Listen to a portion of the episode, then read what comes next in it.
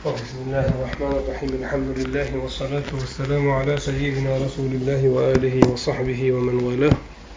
yigirma beshinchi hadisga kelgan ekanmiz imom navoiyning arbainlaridan عن أبي ذر رضي الله عنه أن أن ناسا من أصحاب النبي صلى الله عليه وسلم قالوا للنبي صلى الله عليه وسلم يا رسول الله ذهب أهل الدثور بالأجور يصلون كما نصلي ويصومون كما نصوم ويتصدقون بفضول أموالهم.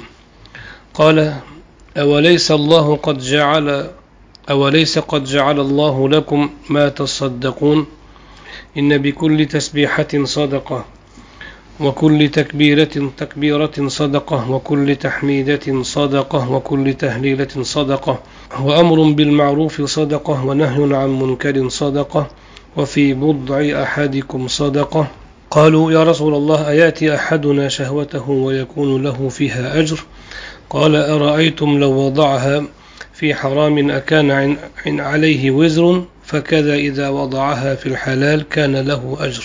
رواه مسلم. abu zar roziyallohu anhudan rivoyat qilingan hadisi sharifda aytadilarki rasululloh sollallohu alayhi vasallamning sahobalaridan ba'zi kishilar nabiy sollallohu alayhi vasallamni huzurlariga kelib ey allohning rasuli boy kishilar ajrlarini olib ketishyapti dedi. Biz namoz o'qigandek namoz o'qishadi biz ro'za tutgandek ro'za tutishadi lekin ortiqcha mollaridan sadaqa ham qilishadi. U kishi aytdilarki alloh taolo sizlarga ham sadaqa qilish imkoniyatini bergan emasmi? Har bir tasbeh sadaqadir har bir takbir sadaqadir har bir hamd aytishda sadaqa bor. Har bir tahlil aytishda sadaqa bor. Amri ma'ruf sadaqadir ya'ni ma'rufga buyurish. Munkardan qaytarish sadaqadir birovingizni o'z shahvatini qondirishi ahli bilan sadaqadir.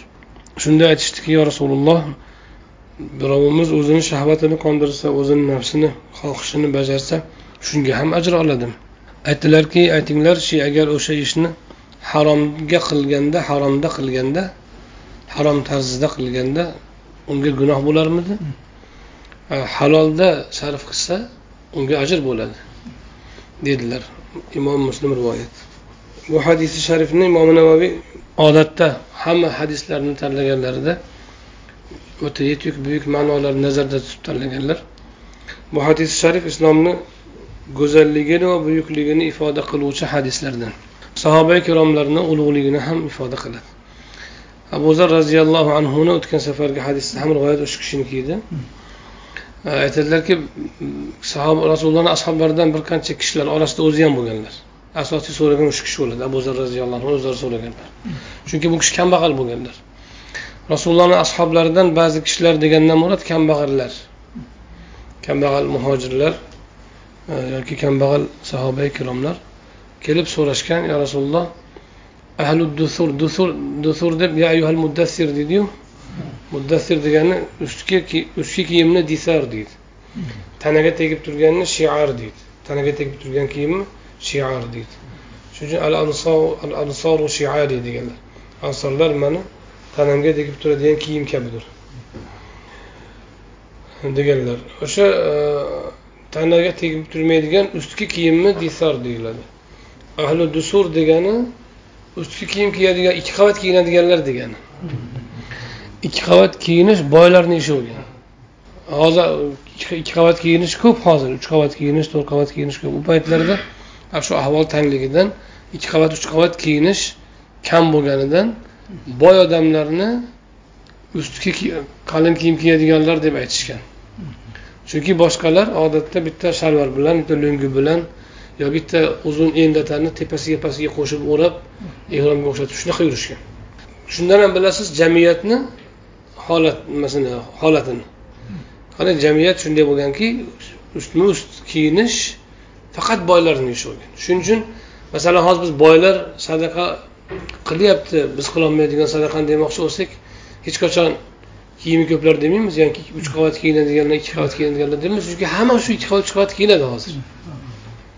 Paytda shu kiyimni tanqisligidan boylarni shunday atab atama shunday bo'lgan. Hozir masalan nima deyishimiz mumkin? Boylarni nima bilan ajratish mumkin? E, bilmadim kiyim bilan ajratib bo'lmaydi hozir o'zi. Allohu alam. Kambag'alni ham to'rt faslga e, e, sakkiztadan kiyimi bor. Bizni hozirgi davrimizga kelib sanoat ham rivojlangan odamlarni o'sha yashash tarziga bo'lgan e'tibori ham kuchaygandan. Masalan boylarni ajratish uchun qanaqa bir atama qo'yilgan bizda? Bilmadim boylar boylar bor puldorlar bor. E, puli ko'p degan ma'noda. Lekin kiyimi ko'p degan gap yo'qda. Chunki kiyimi ko'plik kiyimi ozlik bilan kambag'al bu ajramaydi hozir. Illa endi o'sha o'ta katta boylar haligi besh ming dollarlik telpaklarni kiyadiyu. Lekin o'ta nodir narsa u telpaliklar deb aytadigan emas. O'sha jamiyatni bizga tavsif qiladi shu sahoba ikromlarni zahaba dusur degan gaplari. O'sha ustki kiyimlari bor ikki qavat uch qavat kiyinadigan odamlar deganda boylarni nazarda tutishayotgani bizga o'sha vaqtdagi iqtisodiy sharoitni ko'rsatadi. O'shaning uchun payg'ambarimiz alayhissalotu vassalom poyshani e, pastga tushirganini e, kiyimni to'piqdan pastga tushirishni bodirdan balki. Bodirdan pastga tushirishni tushirishdan qaytarganlar. Nimaga? Odatda oddiy odamlar uzun kiyolmagan. Uzun kiyib sudrab yurish o'sha boylarni o'zini ko'rsatish uchun qiladigan bir e, vositasi bo'lgan. O'shaning uchun qaytarganlar. Kiyim uzunligi uchun emas asli. Chunki masalan to'poni pastga kiyish harom emas o'zi asli. Paypoq kiyasizu bu bu shu gapni aytsangiz ko'pchilik tushunolmaydi hozir ham. Sunnat deganda nimani bodirga chiqarib turishni to'ponni ochib turishni tushunadida. To'g'ri payg'ambarimiz alayhisalotu vassalomga taqlid qilib qilsa yaxshi. Lekin rasulullohni qaytarishlaridan murod u to'ponni ochish yopish masalasi emas. O'sha vaqtda oddiy odamlar o'sha bir qavat kiyim kiyib yurgan ko'proq bir qavat kiyishgan bitta latani o'rashgan ko'proq. Shuning uchun yo rasululloh bitta kiyim bilan bitta em bilan namoz o'qisak bo'ladimi? deb so'rashganda hammada ham ikkita em bor ekanmi? deganlar. Ko'piklarda yo'q o'zlar deganlar ikki en bitta enni pastga tepasiga qo'shib o'rab yurishgan. Hatto lungi bilan alohida o'rab tepaga alohida o'rashga ikkinchi o'ramga yarata emas shalvarni ham keyin kiyishgan madina davrini keyingi davrlarda shalvar ko'ylaklar keyin kiyilgan. Ilgari shu asosan lungiga o'xshab ehromga o'xshagan kiyim bilan yurishgan makka davrida. Madina munavvara kelganda ham o'shanaqa tanglik bo'lgan. Xususan payg'ambarimiz alayhissalotu vassalomni da'vatlari yoyilgandan keyin atrofdan boshqa qabilalardan boshqa musulmon bo'lganlar kelishib madinada yashagandan keyin o'zi asli madinada ishlab chiqarish bo'lgan emas asli taktugi bilan. Sanoat asosan shu yamanga va shomga qilingan safarlardan olib kelingan. Bular xurmo boshqa yani ekin tikilgan narsalarni olib boradi. U yerdan sanoat narsalarini olib kelishadi kiyim kechaklarni. Shunaqa bo'lgan asosan. O'zlarida unaqa sanoat rivojlangan bo'lmagan. O'shaning uchun tashqaridan olib kelingan yilda ikki marta keladigan tovarlar madina madinaga ko'pchilik kelib birdan odam soni ko'payib ketganda istehlak deb qo'yamiz ishlatish ko'payib ketgan. Ko'payib ketganda kiyim tanqisligi yana kuchayib ketgan. Yemak tanqisligi ham o'sha shunday kunlar bo'lgan. Endi bu hozir bizni jamiyatimizda hozirgi davrda tasavvur qilish qiyin unaqa holat. Bor shunaqa joylar boru kambag'al joylar? Lekin hozir bizni siz bilan biz yashayotgan hayotimizda qiyin. O'shanda payg'ambarimiz alayhissalotu vassalom o'sha boyligini ko'rsatish uchun uzun kiyinish sudrab yurish qabiladagi odatlar chiqqanda o'shaning uchun aytganlar shu kiyiming pastga tushsa do'zax yeysan deb. Maqsad kibrdan qaytarish bo'lgan. Ana shu ma'noni ifodalaydi hozirgi mana hadiski kiyim unaqa ko'p bo'lmaganidan boylarni ahli dusur deb atashgan ekan kiyimi ko'plar deb. Dusur deb ham ustki kiyim deb ustki kiyim bo'lmagan. Bitta bitta em bilan yurishgan bitta ko'ylak bilan. Rasululloh ko'ylakni yaxshi ko'rardilar deydi alayhissalom odam ko'ylakni ham yaxshi ko'radimi deb o'ylaysiz. Oddiy narsayu siz bilan bizga eshitganmisiz bitta odamni dadangiz yo dadam ko'ylakni yaxshi ko'rardi. Yo'q. Oddiy narsa u. U yoshligidan kiyib kelgan oddiy narsa. Rasulullohni davrlarida ko'ylak kam bo'lganidan ko'ylakni yaxshi ko'rganlar. Chunki u to'la yopadi deb xursand bo'lganlar. Endi bundoq qilsangiz bilagingiz ochilib ketadi bundoq ko'tarsangiz qoningiz ochilib ketadi emlatadi ammo ko'ylak kiysangiz badanni qoplab turgani uchun yaxshi ko'rganlar. Nima ko'ylakni yaxshi ko'radilar? Badanni to'la qoplagani uchun yaxshi ko'radilar. O'sha kam bo'lganidan ko'ylakni yaxshi ko'rganlar. Bo'lmasa ko'ylakni yaxshi ko'radi deb ham ta'rif beriladimi? Ana shunday tang holatda yashashgan ba'zi sahoba ikromlar alloh ularni ulardan rozi bo'lsin. Endi o'sha abu zar roziyallohu anhu shulardan bittasi bo'lganlar. Va shu kelganlarni orasida abu zar asosan o'zi bo'lgan. Asosan so'ragan ham o'sha kishi savolni egasi ham. Boshqa rivoyatlarda chiqadi. Shunda yo rasululloh shu boylar o'tib ketyapti bizdan deyishgan. Nimada o'tib ketyapti? Ajrda o'tib ketyapti. Chunki biz namoz o'qiymiz ular ham o'qiydi. Ro'za tutamiz ular ham tutadi. Ammo ular sadaqa beradi biz berolmaymiz. Bizda unaqa ortiqcha pul yo'q o'zimiznikidan tashqari pul yo'q o'zimizga yetib yetmayapti desa boshqa rivoyatda kelgan sizlarga ularni savobini beradigan bir yo'lni aytayinmi ular sizlarga yetolmaydi to sizlarni eshiklari qilmaguncha agar shu ishni qilsanglar. Ha ayting deyishganda namozdan keyingi o'ttiz uchta subhanalloh alhamdulillah takbirni o'zgartganlar shuni o'ttiz uch martadan aytdinglar namozdan keyin ular sadaqa bilan topayotgan ajrini olasizlar. Ular sizlarga yetolmaydi to ular ham bu ishni qilmaguncha. Keyin boylar uni eshitib qolishib ular ular ham qilishga o'tishibdi shunda yana kelib aytdikki yo rasululloh ular bizga yetib oldi. U tasbehlarni ular ham aytishyapti. E, deb aytishganda keyin mana u davomini aytganlar. Sizlarga alloh taolo sadaqa qilishga boshqa imkon ham berganku deganlar. O'zi u hadis rivoyatida aytiladiki ular bizga yetib olyapti ular ham aytyapti deganda bu ollohni fazli xohlaganiga beradi deb qo'yganlar to'xtagan. Lekin keyin mana bu yo'nalish mana bu tavsiyani berganlar. Ya'ni bu hadisni rivoyatida bo'ldi endi yetolmaysizlar degan gap chiqadi. Ular ham sadaqa qilib ham tasbeh aytayotgan bo'lsa sizlarga o'xshab bo'ldi xudoni fazli bu yoqqa sizlar yetolmaysizlar degan ma'no chiqadi narigi hadisdan. Lekin davomini shu rivoyatni hikoyalarini davomini butun o'qisangiz davomida mana bu tavsiyani aytgan bo'ladilar.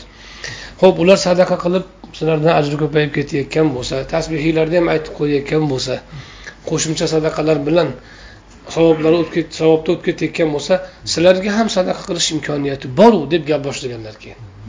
Pulsiz sadaqani. Bular sahoba ikromlarni tushunchasida sadaqa deganda faqat moliyaviy infoqni tushunishar ekan ammo islom nazariyasi bo'yicha sadaqa deganda o'zi asli sidiqdan olingan tasdiqlash ma'nosi bor deydi sadaqada.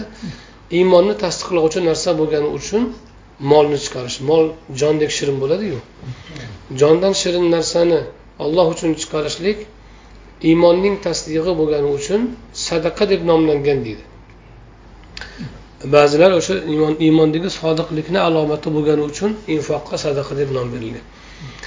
Sahoba ikromlarni tushunchalarida bu muhojirlarni kelgan hozirgi savol berayotgan sahobalarni tushunchalarida sadaqa faqat moliyaviy bo'ladi deb bilishar ekan shuning uchun bo'ldi boylar o'tib ketib qoldi mana ular sadaqa qilyapti biz qilolmayapmiz deb tashvish qilganda sadaqa faqat moliyaviy emas deb keyin tavsiya berdilar.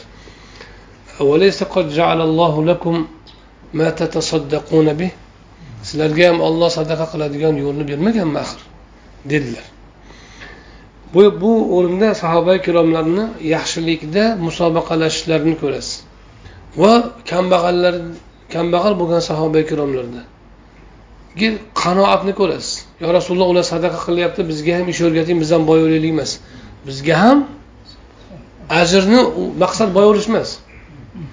Bizni ham o'shalardaqa ajr olaylik demak kishi boyni havas qilsa ham boyni topishidan havas qilmasligi kerak. Sarfidan havas qilish kerak.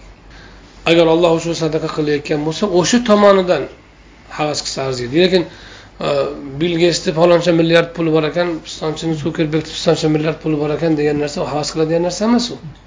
Faloncha yerlari faloncha mulki bor ekan hammasi bu mas'uliyatni oladigan oxiratda savol javobni qiyinlashtiradigan dunyoda tashvishni ko'paytiradigan narsa. Shuning uchun boylik o'zi asli boylik maqtanmaydi. Boylik undan keladigan natija saxovat ko'pchilikka yaxshilik yetkazish imkoniyati bilan maqtanadi. Asli aqlni mezoni shu shariatni mezoni shu. Boylik boylik bo'lgani uchun emas maqtovga loyiq. Balki o'sha boylik boshqalarga yordam berishga imkoniyat tug'dirganligi bilan maqtovga loyiq. Endi o'sha natijani boshqalarga yaxshilik qilish natijasini bermasa boylikni maqtaladigan narsasi qolmaydi.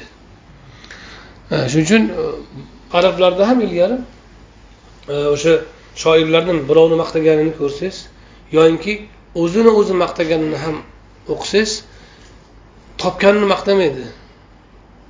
Sarfini maqtaydi. Chunki boylik sarfi bilan maqtaladi topilishi bilan emas. Kuniga ming dollar topadi deb maqtalmaydi. Kuniga ming dollar sarflasa maqtasa bo'ladi. Yoki hokazo shunga o'xshagan. Sahoba ikromlar qarangki boylar o'tib ketyapti. Bizga ham birorta shunaqa pul topishni yo'lini o'rgating yoki duo qiling biz ham boy bo'laylik deyishmayapti. Boylik so'ramayapti. Ajrni so'rashyapti. Musobaqa ajrda boylikda emas u boylarga hasad yo'q. Kambag'al lekin boyga hasad yo'q. Illo havasi bor boyligiga emas. Hosil qilayotgan ajriga. Ana shuning uchun payg'ambarimiz alayhissalotu vassalom bu sahoba ikromlarni dunyoqarashini ko'rsatadi. Sahobalar qanaqa tarbiya topganini ko'rsatadi ularni dunyoga qanday nazar tashlashlarini oxiratga qanday nazar tashlashlarini ko'rsatadi. Kechagina ham darsda shu narsani aytib o'tdik. Sahoba ikromlarni shiorlari va rasulullohni shiorlari bu. Allohuma la aysha illa ayshal axira oxiratni hayotidan boshqa hayot yo'q degan shior shu bo'lgan. Butun hayotdagi shior shu bo'lgan. Oxiratni hayotidan boshqa hayot yo'q oxiratdagi yashashdan boshqa yashash yo'q deb bilishgan. Shu shior hayot shiori bo'lgan. O'sha uchun ularni unaqa boylik ko'paytirish topish sharoitni yaxshi qilish degan narsalar qiziqtirmagan. Ammo o'sha boylikdagi ajr hosil qilish jihati ularga e, rag'bat tug'dirgan. O'sha jihatdan kelib murojaat qilinganlarida payg'ambarimiz alayhisalotu vassalom o'sha ajrni olishni boshqa yo'llari bor puldan boshqa yo'llari ham bor deb aytganlar sizlarga olloh sadaqa qilish imkoniyatini bermadimi boshqa tomondan? deb turib har bir tasbehda sadaqa bor. Subhanalloh desangiz sadaqa. Har bir hamda aytsangiz alhamdulillah desangiz sadaqa. Allohu akbar desangiz sadaqa. Tahlil la ilaha illalloh desangiz sadaqa. Deb aytganlar. Bu degani har bir zikr sadaqa degan. Endi sadaqa o'sha chunki bular ham iymonni tasdiqlovchi narsalar. Keyingisida yaxshilikka buyurish ma'rufga buyurish sadaqa. Munkardan qaytarish sadaqa dedilar. Bular hammasini tushunsa bo'ladi. Chunki bular boshqaga yaxshilik yetkazish yoki allohni ulug'lash hammasi. Endi shu shu yerda ulamolar e, bahs qiladiki demak sadaqani ikki xil e, yo'nalishi bor ekan. Boshqaga foydasi o'tadigan sadaqa bor ekan boshqaga o'tmaydigan sadaqa bor ekan. Kishi masalan e, zikr qilsa allohu akbar alhamdulillah sadaqa ekan u ham lekin birovga o'tmaydi uni manfaati ammo amri ma'ruf nahiy munkar qilsa birovga o'tadi yoki infoq qilsa birovga o'tadi uni manfaati birovga o'tadigan sadaqa ham ikkiga bo'linar ekan ma'naviy va moddiy. Amri ma'ruf nahiy munkardiki ma'naviy. Xayr ehsonniki moddiy boshqaga o'tgan sadaqa bo'ladi. Demak hammasini sadaqa deb aytilar ekan umuman olganda bu payg'ambarimiz alayhissalom bu bilan nima mezonni qo'yyaptilar nimaiki yaxshilik bo'lsa sadaqa deyaptilar. Hatto boshqa rivoyatlarda birodaringni yuziga tabassum bilan boqishing sadaqa. Birodaringga salom berarkansan ochiq chehra bilan salom berishing sadaqa. Mana bu yerda islomni bir buyuk dunyoqarashi yuzaga chiqadi. Germaniyada o'sha buyurtmalar yozib qo'ygan e, ko'chalarda haligi hikmatli so'zlarni e'lonlar yozib qo'yadiyu o'shanaqa joyga o'sha birodaringni yuziga tabassum bilan boqishing ham sadaqadir deb tagiga muhammad payg'ambar deb qo'yishgan. Mana shu gap ularga ham ta'sir qilgan. Biz savdoga kirardik magazinga kirsangiz nemislar o'zi suyagi qo'pol odamlar bo'ladi. Sap sariq qoshi ham sariq ko'zi ham sariq hamma yo'q sariq bo'lgandan keyin odam chiroyli ko'rinmaydi o'zi aslida u odamni qoshi bilan yuzi bir biridan rangi ajralib turadi keyin chiroyli ko'rinadi u hamma yog'i sariq bo'lsa chiroyli ko'rinmaydi. Ilo o'sha ayollar qosh qo'yib bir narsa chizadi keyin bir biridan ajraydi. Peshona bilan qovoq bir biriga qo'shilib ketganga o'xshaydi lekin haligi odamlar suvagi ham qo'pol. Suvagi ham unaqa kiyim istaymiz. Jussada suvaklari katta bo'lgani uchun e, haligi kiyimlari ham katta katta ko'plari bizbob razmerlar kam o'sha suyaklari ham dag'alroq qanaqadir kallalarni suyagi ham qo'polroqda lekin ro'para kelganga kulib e, muomala qiladi magazinga kirsangiz. Shunday kulib kutaveradiki ko'ziga chiroyli ko'rinib ketadi haligi odam. Agar mabodo shu tabassumini yo'qotsa yoki achchiq kelib qovoq solsa xunuk odam bo'lib qoladi haligi odam. Lekin ko'p tabassum qilgandan chiroyli ko'rinadi. Muloqotda tabassum qilish madaniyatini yaxshi tarqatishgan ko'pincha magazinlarda shunday kutib oladi maqsadi men nimaga bular bizga qarab ko'p kuladi desam kamerada olib turar ekanda o'sha yaxshi muomala qilganga oylik qo'yib berish ekan. U tabassumlar pulli ekan hammasi. Bu der garnegini e, haligi insonni psixologiyasi bo'yicha yozgan kitoblar bor muomala madaniyati bor.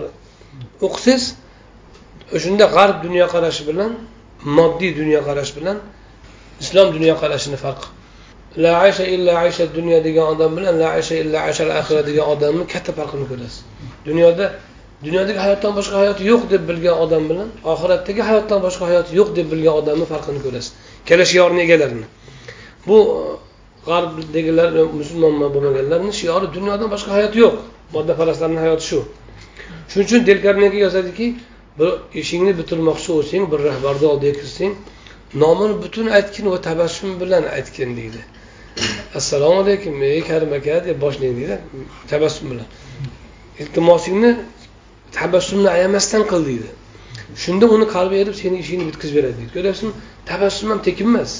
Ammo shu o'sha madaniyatda yashayotgan odamlarga muhammad alayhissalotu vassalomni gaplariki birodaringni yuziga tabassum bilan boqishing sadaqadir. Yoningdan pul chiqarib bergandek gap desa ularni qoyil qoldiradida keyin.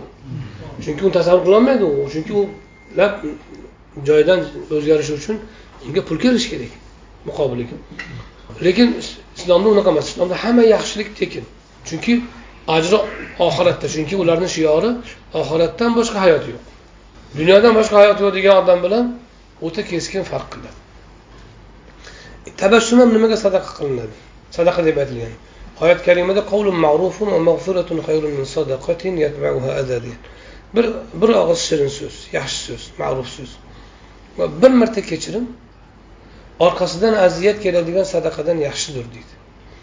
Sadaqada masalan man sizga pul beryapman yoki bir mashina berib yuboryapman masalan. Lekin orqasidan aziyatim bor. Siz bilan ko'rishgan paytda nimadir berganimni his qilib turaman. Siz ham mendan nimadir olganingizni his qilib turasiz. Aziyat yetadi. Vaqti vaqti kelsa sizdan o'zimni balandroq tutaman. Chunki man yordam qilib qo'ygan odamsan deyman. Agar sizdan menga yomonlik kelsa ey sen menga yaxshilik bilmaydigan odam ekansan men senga qancha yaxshilik qiluvdimu? deb minnat qilishga o'taman.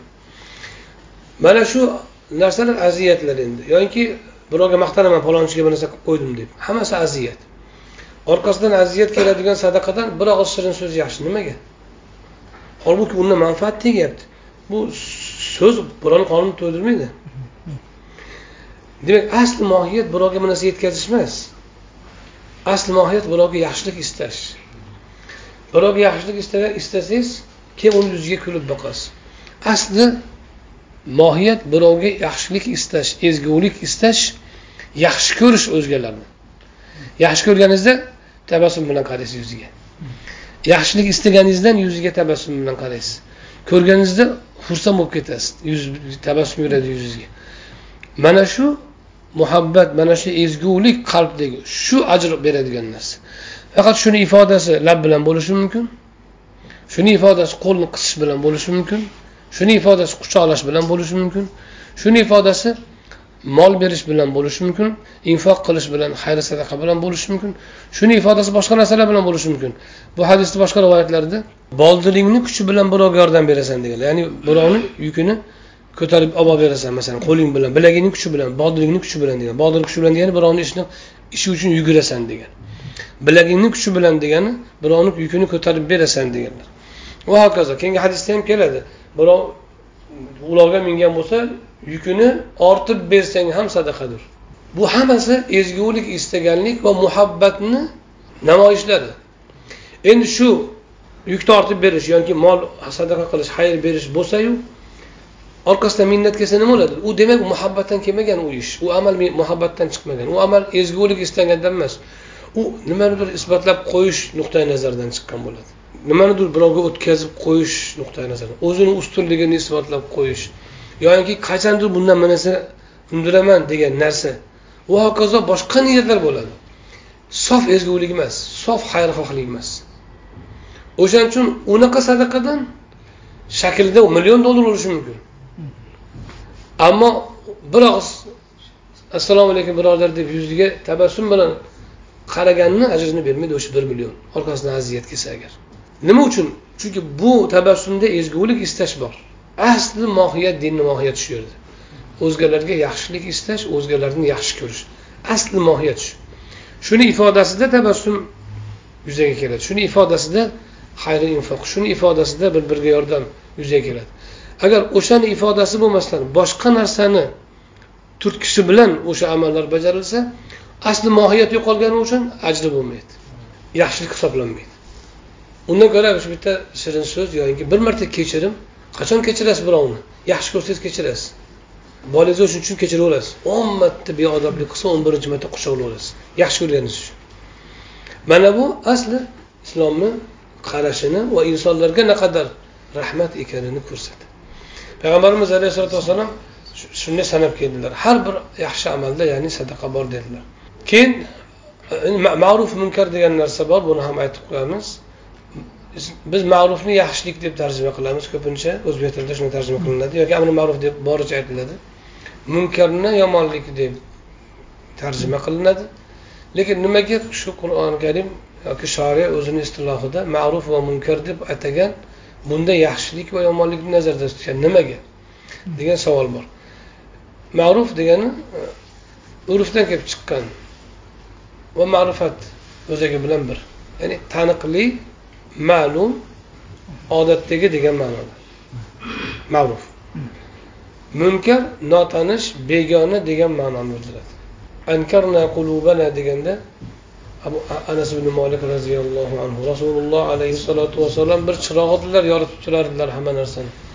U kishini dafn qildik qo'limizdan tuproqni hali changi ketmay turib qalbimizni o'zimiz tanimay qoldik degan qalbimizga haligi nur ketib qoldi. O'zimizni qalbimiz o'zimizga begona bo'lib qoldi degan. O'sha ankarna degani inkor shu. Notanish begonalik. Munkarga yomon ishlarga munkar munkar deb shariat istiloh bergan. Nimaga desa asli alloh taolo insonni fitratini tavhidda yaratgan. Alloh taologa sig'inish yaxshilik qilish pok tabiatda yaratgan. Men bandalarimni fitratda pok tabiatda yaratdim keyin shayton ularni adashtirdi degan hadis sharif bor. Boshqa hadisda ota onasi majusiy qiladi yahudiy qiladi nasroniy qiladi deganlar pok fitratda ma'ruf bo'lgan pok fitratga ma'lum bo'lgan unga oshno bo'lgan u odatlangan narsalar hammasi yaxshilik bo'ladi. O'shaning uchun yaxshiliklarga ma'ruf deb nom qo'yilgan. O'sha pok fitratga zid narsalar munkar bo'ladi. O'shaning uchun yomonliklarni hammasiga munkar deb nom qo'yilgan. Odam alayhissalom bilan havvo onamiz jannatda mevani yeb qo'yganlaridan keyin avratlari ochilib ketdi bir birlariga avratlari ko'rinib qoldi. Daraxtni barglaridan olib avratlarini to'sishga o'tishdi deydi. Bo'lmasa jannatda boshqa odam yo'q. Ikkovsi er xotin bir biriga avrat joyi yo'q o'zi asli. O'sha fitrat qo'zigandan fitrat asli hayo ekan. Yoyinki odam alayhissalomni o'g'li qobil o'ldirib qo'ydi hobilni o'ldirib bilan nadomatga tushdi. Gunohni fitrat asli qabul qilmaganlar. Shaytonni vasvasasi nafsni g'alabasi bir balolar bilan qilib qo'ygan lekin orqasidan nadomat qilishga o'tdi. Chunki asli tabiatda bu narsalar yomon manfur narsalar. Hozir ham shunday odamlar bor o'sha puldor olib ketib qoladi yoki amaldor olib ketib qoladi yo mansabga berilib yo pulga berilib yoinki o'sha kimnidir aytganini qilaman deb birovga zulm qiladi birovni qamatib qo'yadi birovni o'ldirib yuboradi boshqa qiladida. Keyin o'zi vijdoni qiynalgandan pul ko'tarib qabristonga borib bitimda bir joyda qo'y so'yib mol so'yib o'zini yozishga harakat qiladi. Ichida o'sha iymon qiynaveradi o'sha ma'ruf narsa deb nomlanishi yaxshilikni asli fitrat amali bo'lganidan endi shariat kelganda qanaqa suratda keladi? Shariat fitratga qaytarish uchun keladi. Fitrat buyurgan narsalarni buyurib fitrat qabul fitrat qabul qiladigan qabul qilmaydiganlaridan qaytarish uchun keladi. Nima uchun? Chunki insonlar shaytonni vasvasasi bilan va turli vaji karsonlar bilan fitrati buzilib qoladi. O'sha fitratni joyiga qaytarish uchun keyin shariat keladi. Shuning uchun shariatda hamma buyurganlarini ma'ruf targ'ib qilgan narsalarni ma'ruf deyiladi. Qaytarganlarini munkar deyiladi. U tabiatga fitratga asli inson odamiylikka mos bo'lganini ma'ruf deyiladi nomuvofiq bo'lganini munkar deyiladi. Bizni qolibimiz bilan sodda qilib aytsa shariatda qaytarilgan hamma narsalar asli fitratga zid shuning uchun munkar. Deyilgan nimaga buyurilgan bo'lsa asli fitratni tabiati talabi shuning uchun ma'ruf deyiladi. Endi ma'rufga buyurib munkardan qaytarish e, bu farz amali bilamiz qirq farzda o'tgan hammamizga. Buni darajalari ham bor lekin bu ham sadaqa.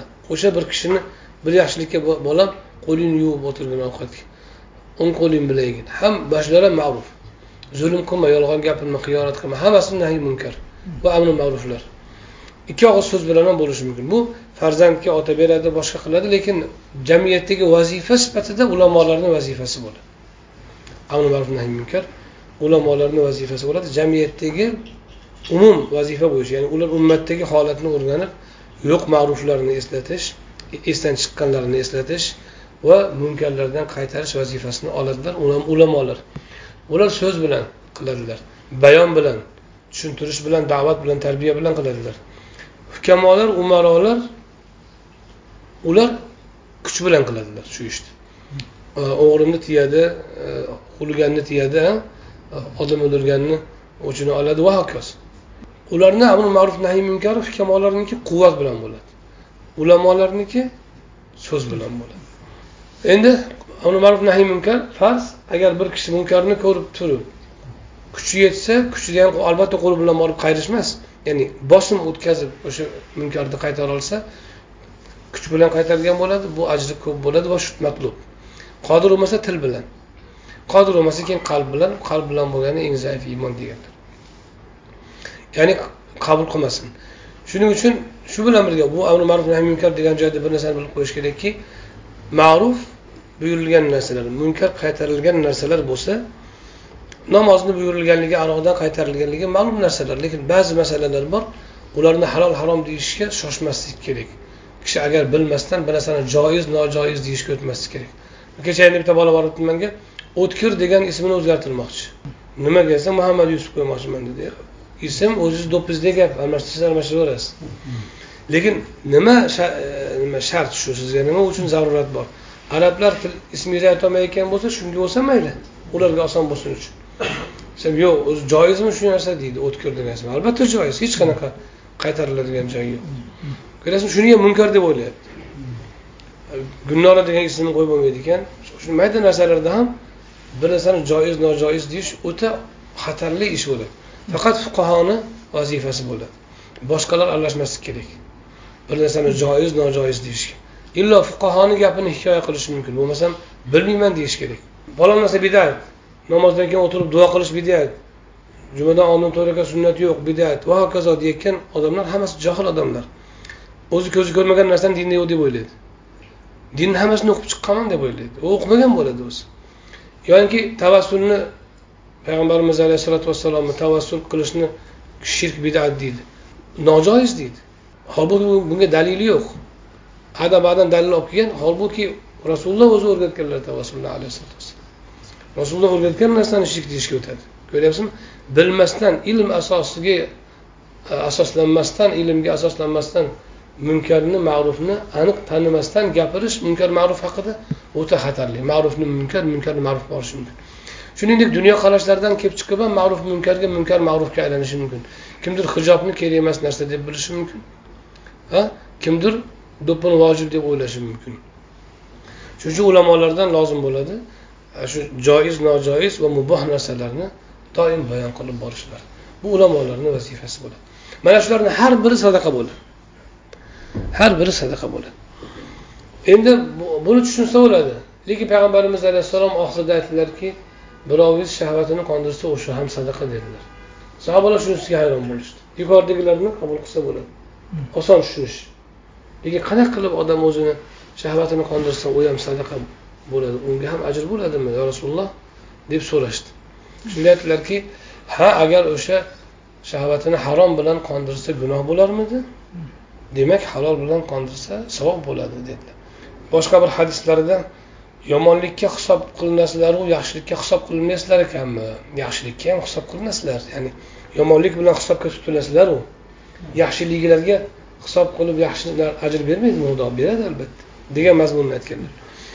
Shunda endi ulamolar shu yerda o'ylanishgan. Ho'p o'sha shahvatini qondirsa bir kishi ayoliga e, qo'shilsa nimaga ajr oladi? Desa payg'ambarimiz alayhisalotu vassalom gaplaridan chiqadiki haromga qo'ysa o'sha ishni o'sha ishni haromda qilsa harom bilan qilsa gunoh bo'larmidi? deganlaridan halol bilan qilsa ajr oladi degan xulosa chiqyaptimi? Buni qiyosul aks deyishadi ya'ni aksidan xulosa olish qiyos qilib degan usuliylarni qoidasiga tushadi. Ibn masud roziyallohu anhuni gaplari bor. Rasuli akram alayhissalotu vassalom kim allohga shirk keltirmasdan o'lsa jannatga kiradi deganlar. Kim allohga shirk keltirmasdan o'lsa jannatga kiradi deganlar. Men aksini aytaman. Kim allohga shirk keltirib o'lsa do'zaxga kiradi deganlar. Ibn masud roziyallohu anhu. Xuddi o'sha qiyosul aksiga keltirganlar. Shunga o'xshagan bu ham. Haromga bo'lsa sarf o'sha ish. Gunoh bo'larmidi? Halolga bo'lsa demak ajr bo'ladi degandan nima chiqadi? Halolga sarflayotgan odam haromdan tiyilish uchun sarflayotgan bo'ladi. Xotiningizga cheklanayotganingiz nomahramdan tiyilish uchun bo'ladi. O'sha nomahramdan tiyilish uchun bo'lgani uchun ajr bo'ladi. Gunohdan. Tushundingizmi? Sahaba shuning uchun ulamolar bahs qilishgan. Shu niyat bilan ajr bo'ladimi? Yoki niyatsiz ham ajr bo'ladimi ulamolar ikkiga bo'lingan. Jumhur ulamoni gapi va mutlaq umuman boshqa hadislarni dalolati shuki o'sha muboh amalga kishi niyat bilan ajr oladi. Yeganiga ichganiga va hokazosi. Imom navoiy shunday deganlar. Boshqa ulamolar ham shu gapni aytishgan. Ya'ni e, muboh amal masalan ovqat yeyish. Uyqu muboh amal. Lekin shu uyqudan ibodatga quvvat topaman bir narsa yodlashga quvvat topaman deb niyat qilsa e, masalan bir bet qur'on yodlashga yoki o'sha niyati bilan haligi muboh amal ibodatga aylanib qoladi. Abu dardo roziyallohu anhu man qiyomul layldan tungi namozimdan qanday savob kutsam uyqumdan shunday shunday savob kutaman deganlar. O'sha niyat bilan muboh amal savobga aylanadi endi o'sha ayoliga yaqinlik qilayotgan odam. O'sha yaqinlik oldida niyat qilsa keyin o'sha rasululloh aytgandaqa sadaqa ajr bo'ladimi? Yoki niyat esida yo'q apil tapil kirishib ketib qolsa ham bo'ladimi o'shanaqa ajr? Desa ulamolar umumiy halolga cheklangani uchun halolga cheklangani uchun asli niyati tagida haromdan qaytish bo'ladi. O'sha nuqtai nazardan ajr bo'ladi. Albatta niyat qilsa ajr bo'ladi. Qoida shu asli. Endi bir kishi har safar niyat qilmaydiyu. E, qilmasligi mumkin. Qilsa yaxshi har safar qilmasligi mumkin. Har safar qilmagan taqdirdachi esa o'sha halolga cheklanayotgani haromdan o'zini tiyish uchun yoki ayolni nafsini haromdan tiyish uchun yoki o'zini nafsini haromdan tiyish uchun qilayotgan bo'ladi o'sha ishni. Haromdan tiyish uchun qilayotgani nuqtai nazaridan u. Asli tanani lazzati uchun qilsa ham ajr oladi. Chunki negizida haromdan tiyilish yoki haromdan tiyish iffatni saqlash bor. Yana bir rivoyatda keladi. Imom ahmadni rivoyatlarida keladi. U ham abu zar roziyallohu anhudan allohu alam abu zar roziyallohu anhu shunda aytganlarki bolam shu nima shahvatimizni qondirsak ham ajr bo'ladimi? deganda manga qaragin sen bola ko'rsang bolang ulg'aysa va hidoyat topsa keyin o'lsa. Yaxshi inson bo'lib o'lsa o'sha bolangdan ajr kutasanmi deganlar ya'ni bola ko'rsangizu bolangiz ulg'ayib solih odam bo'lsa o'sha solih farzand tarbiyalaganingiz uchun o'sha farzanddan sizga ajr kelishini kutasizmi ha kutaman deganlar shunda savol berganlarki bolani sen yaratdingmi deganlar yo'q olloh yaratdi. Bolaga sen rizq berdingmi? Yo'q olloh rizq berdi. Voyaga yetguncha o'sha katta bo'lib o'lguncha. Bolaga hidoyatni bolangni hidoyatini sen berganmisan yo olloh bergan? O'sha olloh qilgan hamma ishlarda sen ajr olyapsan bu yerda payg'ambarimiz alayhissalotu vassalom nozik nuqtani ochganlar. Ya'ni bolani siz yaratmasligingizni bilasiz ammo amalingizni o'zingiz yaratmayotganingizni bilmasligingiz mumkin. Inson amalni o'zim qilyapman deb o'zi qiladi qilishga lekin yaratib berayotgan olloh bo'ladi. Ya'ni kishi o'zi qilayotgan amalidan oddiy amalimdan qanaqa ajr olaman desa rasuli akram alayhissalotu vassalom ha bola ham odatiy narsayu tug'ilishi. O'sha bolang tug'ilib ulg'ayib katta bo'lib o'lsa o'sha bolani orqasidan ajr kelishini kutyapsan xuddi shunga o'xshagan odatiy amaldan ham kutasan. Bolangni o'sha solih bo'lishidan savob kutganingdek. Demak bu niyatdan kelib chiqadi degan. Ikkinchisi yana bu yerda ishora shuki o'sha Oh, ayolingga munosabatingdan solih farzand kutsang ajr bo'ladi degan ma'nosi ham bor. Yana bir nuqta borki yuqorida aytmoqchi bo'lganim ya'ni banda inson o'zini bolasini o'zi yaratmayotganini olloh yaratganini rizq berganini biladi. Ammo o'zini amallarini ham olloh yaratib berayotganini bilmay qoladi. Esdan chiqib qoladi. Yoki uni e'tiqod qilmaydi esiga kelmaydi yoki. Ana shu alloh taolo o'zi sizga yaratib berayotgan narsalarida siz niyatni yaxshilab qo'yishingiz bilan u narsalarni o'zi yaratib berib o'zi ajr beryaptimi? Bu hozirgi aytilgan jinsiy munosabat yo boshqalarda ham mubah amallarda ham. O'sha amallaringizni olloh yaratib beradi. Lekin niyatni solih qilinsa yaxshi niyat qilinsa loaqal haromdan tiyilishni niyat qilinsa shunga e, alloh subhanahu va taolo o'zi yaratib bergan imkoniyatga yana sizga o'sha niyat bilan o'zi ajr beradi shuning uchun payg'ambarimiz alayhissalotu vassalom boshqa hadislarda mo'minning niyati amalidan yaxshidir deganlar nimaga? Chunki amal inson amalga doimo qodir bo'lmasligi mumkin. Ammo niyat oson niyatga qodir bo'lolmaydi shuningdek amal bardavom bo'lmasligi mumkin niyat bardavom bo'ladi. Amal inson o'zini imkoniyatidan kelib chiqib qilishi mumkin niyatni imkoniyatidan ko'proq qilishi mumkin. Parvardigor bersang shunday qilaman deb niyat qilishi mumkin. O'zini imkoniyatidan kattasi o'sha jihatlardan mo'minni niyati amalidan yaxshi bo'ladi. Va nima uchun amalidan niyati yaxshi? Amalga turtki ollohdan boshqa narsa bo'lishi mumkin. Ammo xolis olloh uchun bo'lgan niyatga ollohdan boshqa turtki bo'lmaydi. Sadaqa qilishi mumkin o'zini saxovatli ko'rsataman deb. Ammo olloh uchun qilgan odam niyati xolis bo'lgan odammi? Niyatini xolisligi ollohga ixlosdan boshqa narsadan kelmaydi. O'shuning uchun niyat amaldan ustun turadi. Negizi ollohga bog'langani allohga bog'lanmasdan niyat hosil bo'lmaganligi uchun. Yana bu yerda o'sha e, e payg'ambarimiz alayhissalotu vassalomni zikrlarni sadaqa deb aytishlari masalan abu dardo roziyallohu anhuni gaplari bor. Man yuzta tasbeh aytganim yuzta tanga ehson qilganimdan yaxshi degandir. Yana boshqa hadislarda aytganlarki payg'ambarimiz alayhissalom boy sadaqa qilsin deganlar. Kuchi bor odam kuchi bilan e, e, yordam bersin odamlarga. Ilm ilmi bor odam ilmi bilan sadaqa qilsin deganlar har kim o'zida bor narsa bilan sadaqa qilishi kerak bo'ladi. Boy odam men boy odam tasbeh o'girib o'tirib pulni bosmaslik kerak. Pulni berish kerak tasbeh ham yuguraversin. Ba'zi odamlar bor masjidda uzoq uzoq o'tirib tasbeh aytib salla kiyib shunaqa ibodatli ko'rinishga harakat qiladi lekin pulga baxillik qiladi. Bu e, shariatni maqsadiga zid ish qilish unga olloh boylikni berishdan maqsadi o'sha boylik bilan jannat sotib olish. U odam baxilligini yashirish uchun tasbeh bilan o'zini ovuntirsa adashgan bo'ladi. Tasbeh ham aytsin va sadaqani ham qilsin deyiladi. Boshqa bir hadis sharifda payg'ambarimiz alayhissalotu vassalom aytganlarki bir kishi o'sha dushman bilan kurashadigan darajada quvvati bo'lmasa qo'rqoqligi bo'lsa boridan sadaqa qilgudek darajada kambag'al baxilligi bo'lsin. Shunaqa bir ojiz tomoni bo'lsa zikr qilsin deganlar. Zikr o'sha insonni allohga yaqin qiladi ibodat bo'ladi darajasini ko'taradi. U baxilligi uchun alohida javob bersa ham lekin o'sha bir yaxshi amallarni shu tomondan qoplashi mumkin bo'ladi. Zikr nima uchun afzal qo'yilgan? Boshqa bir hadis sharifda deb aytganlar. Sizlarga eng yaxshi amalni aytaymi amalinglarni orasida eng yaxshisini tog'dek tillani kumushni infoq qilgandan ham yaxshi amalni aytayinmi? Dushmanlaringiz bilan ro'para bo'lib ular sizni bo'yningizga qilich urib siz uni bo'yniga qilich urib jihod qilib qon to'kib jon berib qiladigan jihodlaringizdan ham yaxshi amallar aytayinmi deganlar. Ha deyishganda ollohni zikri deganlar. Endi shu yerda ulamolar aytadiki ho'p nima uchun payg'ambarimiz alayhissalotu vassalom o'zlari zikr qilib o'tiravermadilar uni qo'lsa desa bu gapni aytishlaridan murod nima? Bu amallarni suratidan zikr afzal.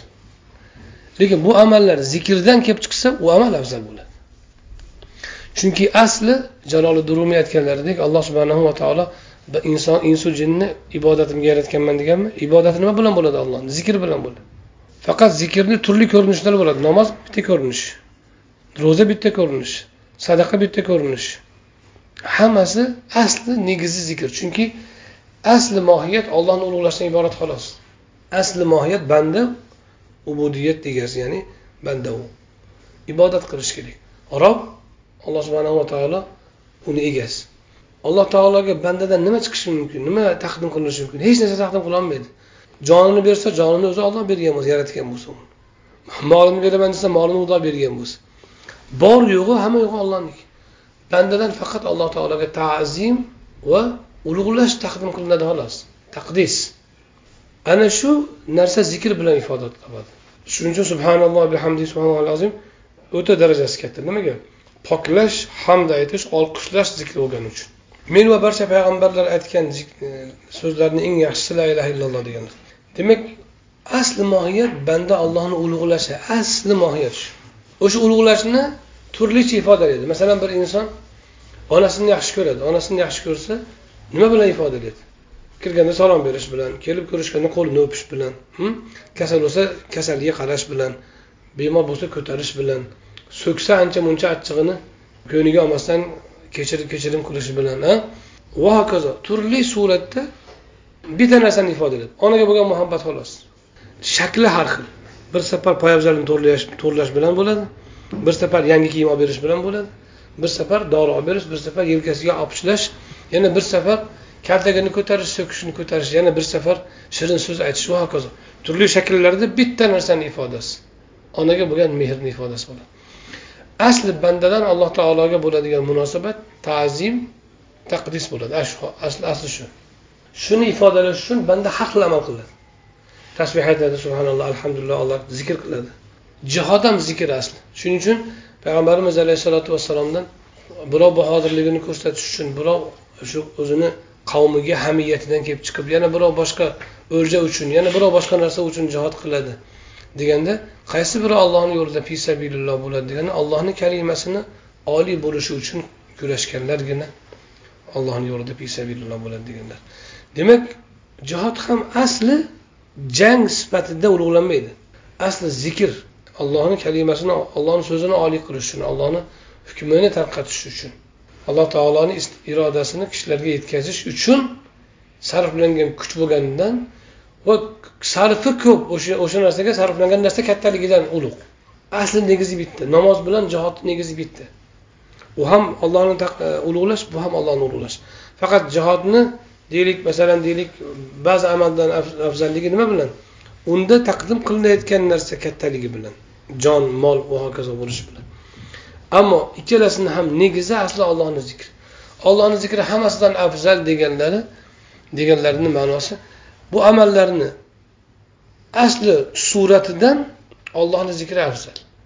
Ammo bu amallar zikrdan kelib chiqsa tushundingizmi o'sha allohga bo'lgan ta'zimdan ubudiyatdan bandalikdan kelib chiqsa u amal afzal bo'ladi. Chunki u o'sha zikrni ta'zimni ubudiyatni bandalikni ifodasi bo'lib ro'yobga chiqqan bo'ladi.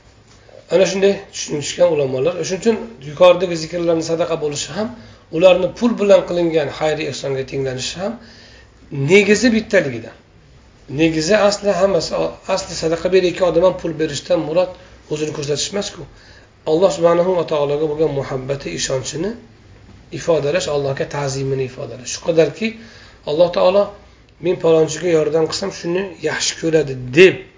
Ollohni yaxshi ko'rgani uchun birovga yordam qilsangiz siz ollohni ulug'layotgan bo'lasiz. Ana shu nuqtai nazardan xayri ehson oliy maqom oladi va boshqalarga o'tgani foydasi o'tganidan chunki ular allohni bandalari bo'lgan allohni bandalariga maxluqlariga yaxshilik qilinganidan darajati baland bo'ladi. Demak asli mohiyat jaloliddin rumi aytganlaridek zikr ubudiyat asli insonni alloh subhanahu va taolo tomoniga taqdim qiladigan narsasi turli shakllarda ifoda topadi. Shuning uchun rumiy aytganlarki dunyoda ollohni zikrini qilmaganlarni olloh do'zaxga tashlaydi do'zaxda bo'lsa ham zikr qiladi degan. Do'zaxdan chiqargan azob azobini yengillatgan hokazolar hammasi o'sha zikr bo'ladi shular degan. Ahli do'zaxdan zikr bo'ladi shular degan. Shu qadarki zikrdan lazzat topib o'tni o'tni kuygini ham bilmay qolishadi degan. Rumiyni gaplari bu gap? Bu ya'ni aytmoqchimizki asli mohiyat alloh subhanahu va taoloni zikri.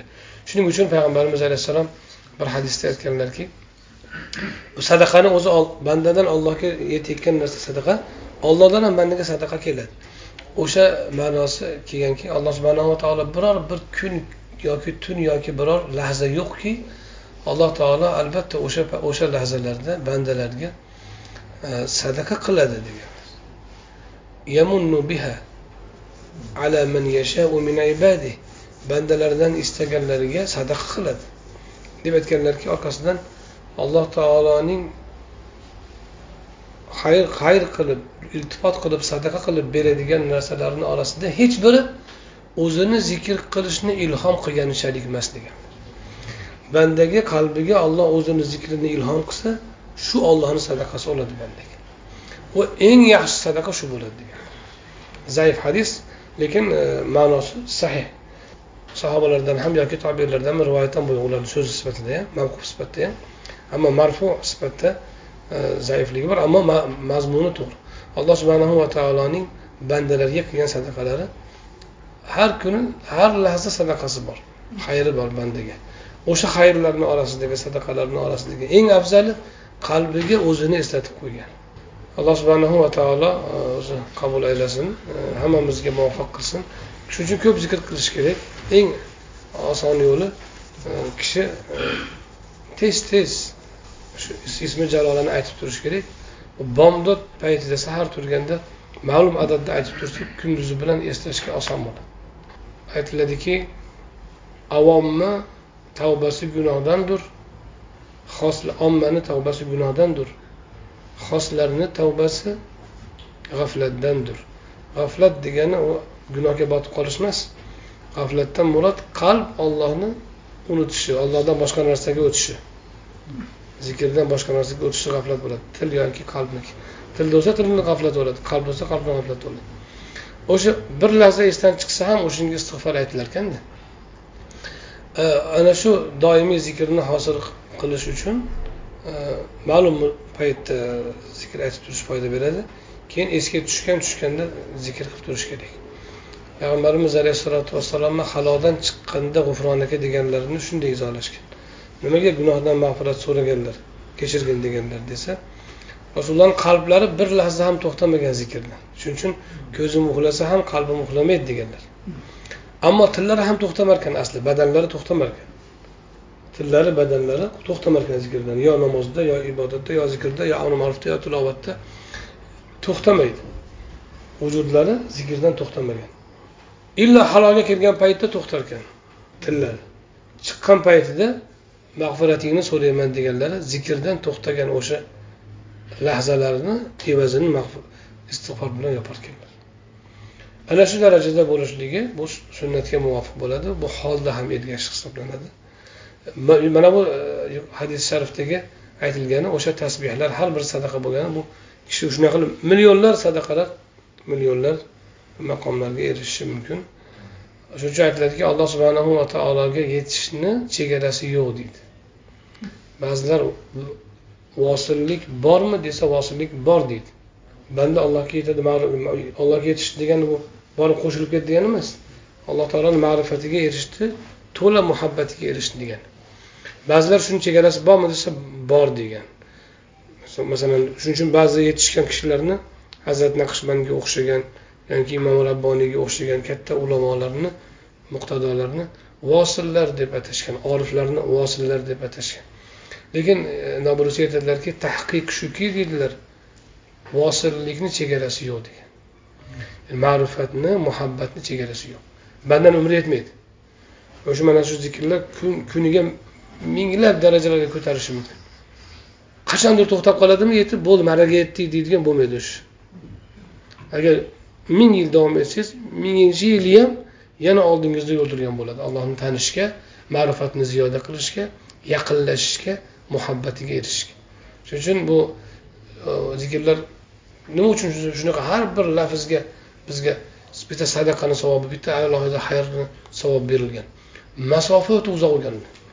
Allohga yetishishni chegarasi yo'qligidan. Ki har bir lafzimizga shunaqa sadaqani ajrini bermasa o'ta uzoqda qolib ketib qolamiz.